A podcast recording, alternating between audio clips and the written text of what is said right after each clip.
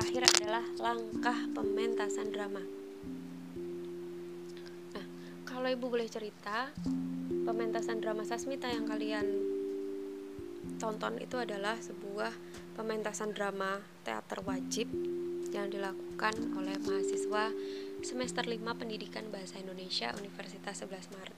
Jadi, anak bahasa Indonesia, pendidikan bahasa Indonesia setiap semester 5 di bulan Desember wajib mementaskan sebuah pementasan teater yang dinamakan pentas penyutradaraan.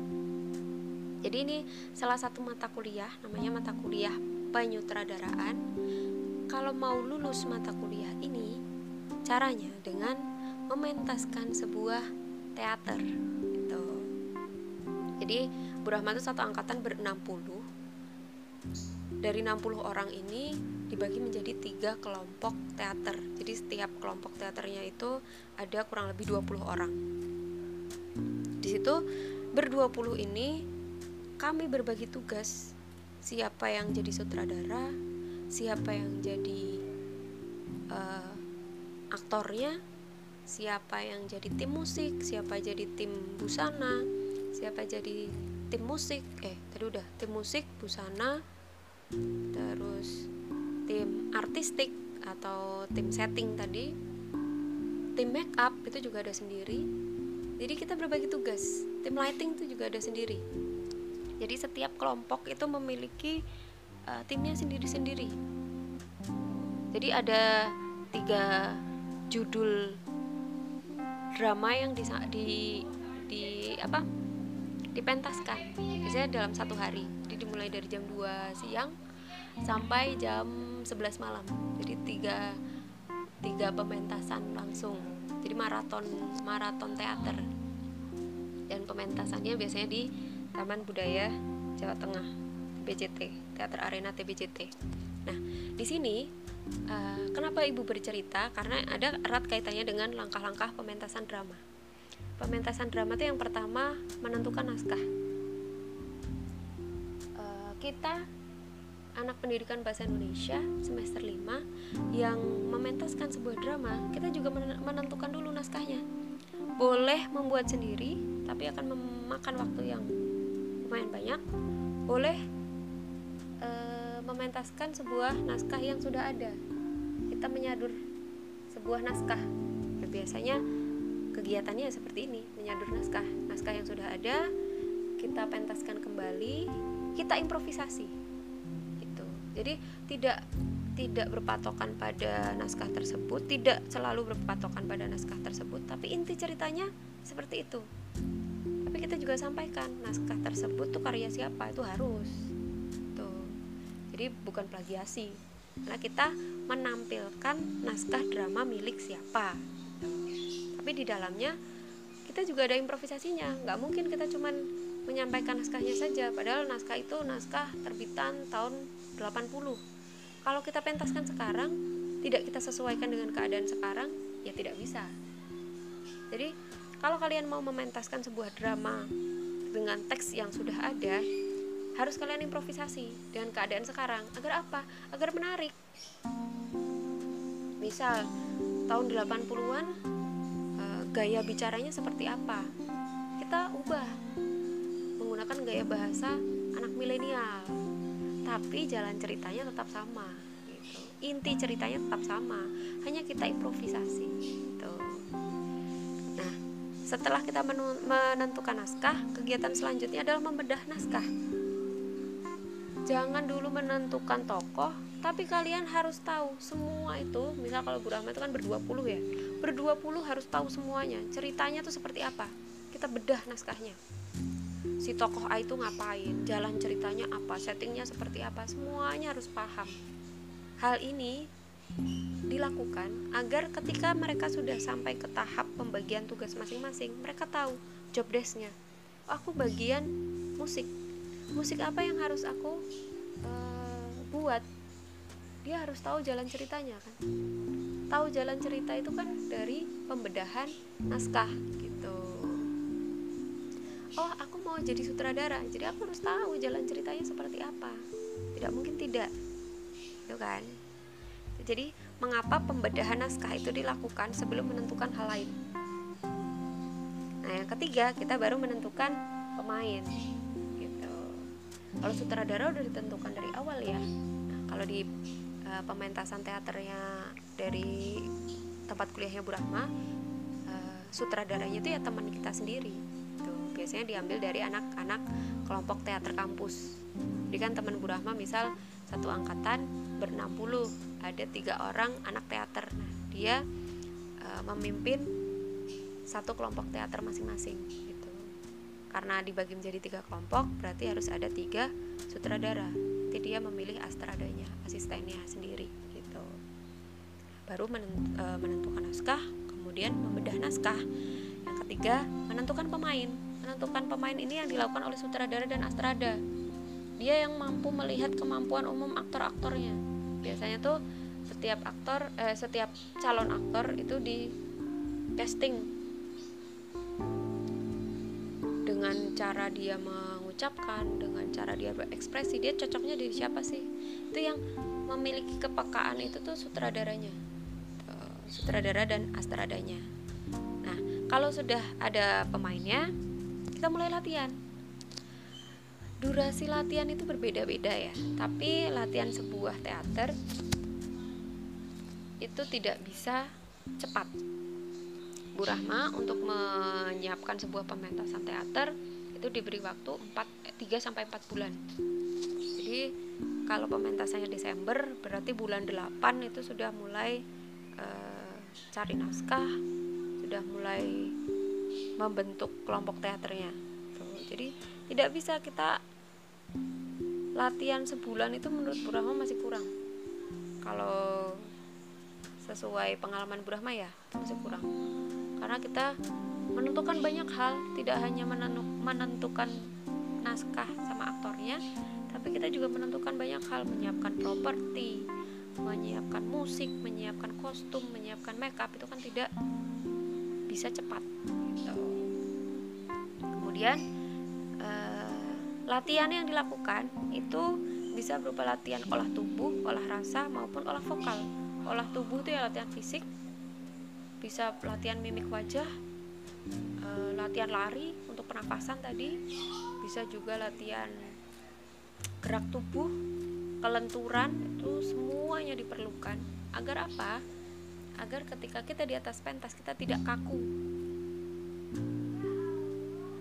Jadi biar luwes gitu loh di atas pentas.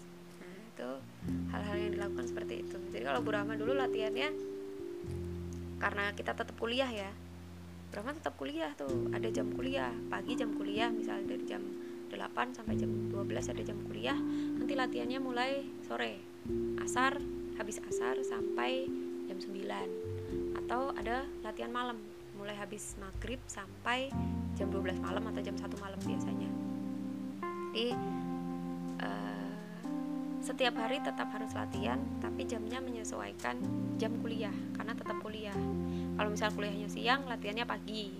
Misal jam 7 sampai jam 10 latihan nanti lanjut kuliah. Atau kalau kuliahnya jam 9 mau latihan pagi latihan mulai setengah 6 sampai jam 8 misal kalau ada kuliahnya kok satu hari full berarti kita harus uh, latihannya malam. Non stop sih. Karena kalau kita bolos latihan sekali aja kita tidak tahu perkembangan apa yang harus kita tampilkan di atas pentas besok. Jadi dulu ada kalau Brahma dulu ada denda nih kalau dia nggak ikut latihan drama. Latihan drama itu seperti apa? Eh, dendanya apa? Itu ada dendanya. Kalau kita kelewat satu hari saja itu sudah terlewatkan banyak hal itu latihannya latihan latihan ada latihan olah tubuh ada olah rasa. Olah rasa itu seperti apa? Biasanya kita disuruh memejamkan mata kita melingkar memejamkan mata. Kemudian astrada ataupun sutradaranya itu menyampaikan suatu kalimat. Kita harus memahami kalimatnya. Rasa apa yang timbul dalam diri kita? Misal kita ditonton eh bukan ditontonkan di si sutradaranya itu membacakan sebuah satu babak saja.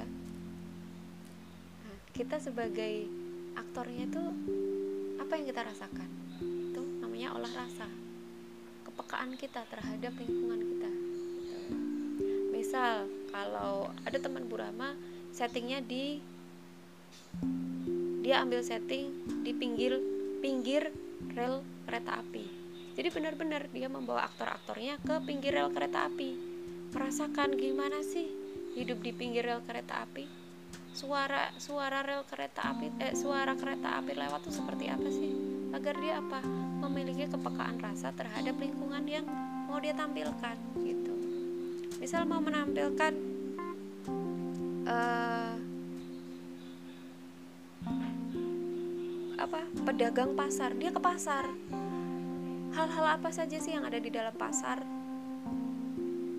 Dia harus me, dia harus belajar kepekaan rasa orang yang berjualan di pasar itu seperti apa gitu. Jadi biar terbiasa.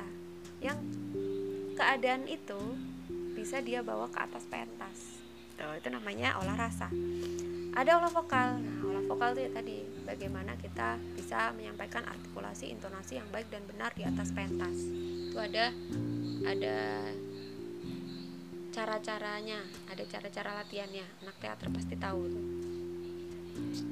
kemudian ada menyiapkan properti. Ini sangat penting. Bagaimana sebuah setting itu dapat menarik perhatian nonton wah uh, ini settingnya ada pohonnya nih. Bagaimana kita menyiapkan pohon? Kalau Burama dulu settingnya ada pohonnya. Jadi membuat pohon kita bikin kerangka dari uh, bambu bambu itu dibuat sebuah kerangka kayak kurungan gitu terus ditutup menggunakan uh, kertas kertas bekas semen kemudian dicat sedemikian rupa agar menyerupai pohon. Kita juga buat apa namanya daun-daunannya. Pokoknya kita membawa setting itu ke atas panggung setting pohon besar tinggi gagah itu ke atas panggung itu bagaimana caranya? Yaitu tergantung uh, kelompok teaternya masing-masing gitu. Ini nanti juga ada penanggung jawabnya gitu. Kemudian ada juga uh, menyiapkan kostum. Kalau Burama dulu karena ceritanya tentang demit, jadi kostum-kostum demit itu seperti apa? Kita cari. Kita browsing di internet. Oh, seorang kuntilanak tuh bajunya seperti apa sih? Kostumnya seperti apa? Riasannya seperti apa? Nah kita belajar dari situ. Oh seorang uh, apa? Seorang pejabat itu kostumnya seperti apa sih? Nah, oh seorang angkatan laut tuh seperti apa sih? Seorang angkatan darat tuh seperti apa sih? Nah kita persiapkan kostumnya sedetail mungkin agar pemahaman penonton terhadap tokoh atau aktor tersebut itu uh, tersampaikan dengan baik. Dengan melihat kostumnya saja oh dia jadi kuntilanak nih.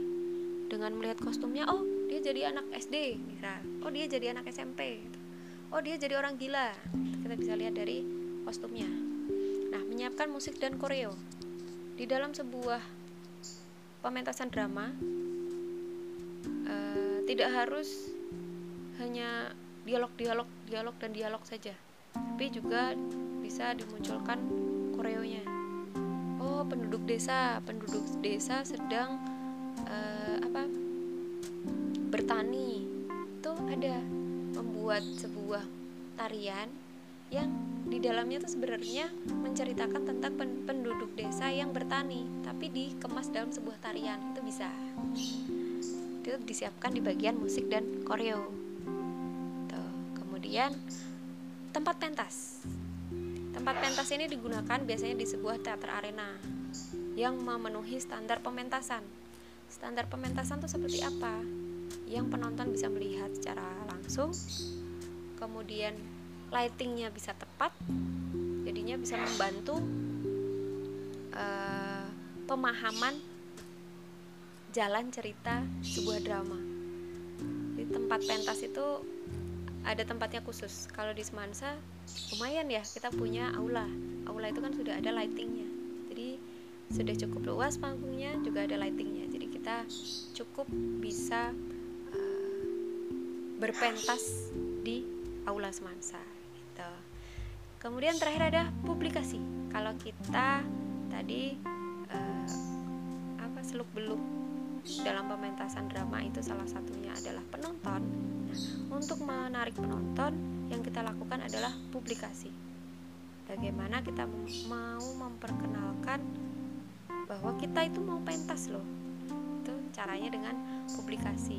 Publikasi bisa menggunakan banyak hal kok sekarang ya. Kita bisa capri, kita bisa di grup grup WhatsApp dan lain sebagainya bisa pakai poster bisa pakai sosial media banyak sosial media yang bisa kita gunakan untuk bahan publikasi agar penonton yang menyaksikan juga banyak.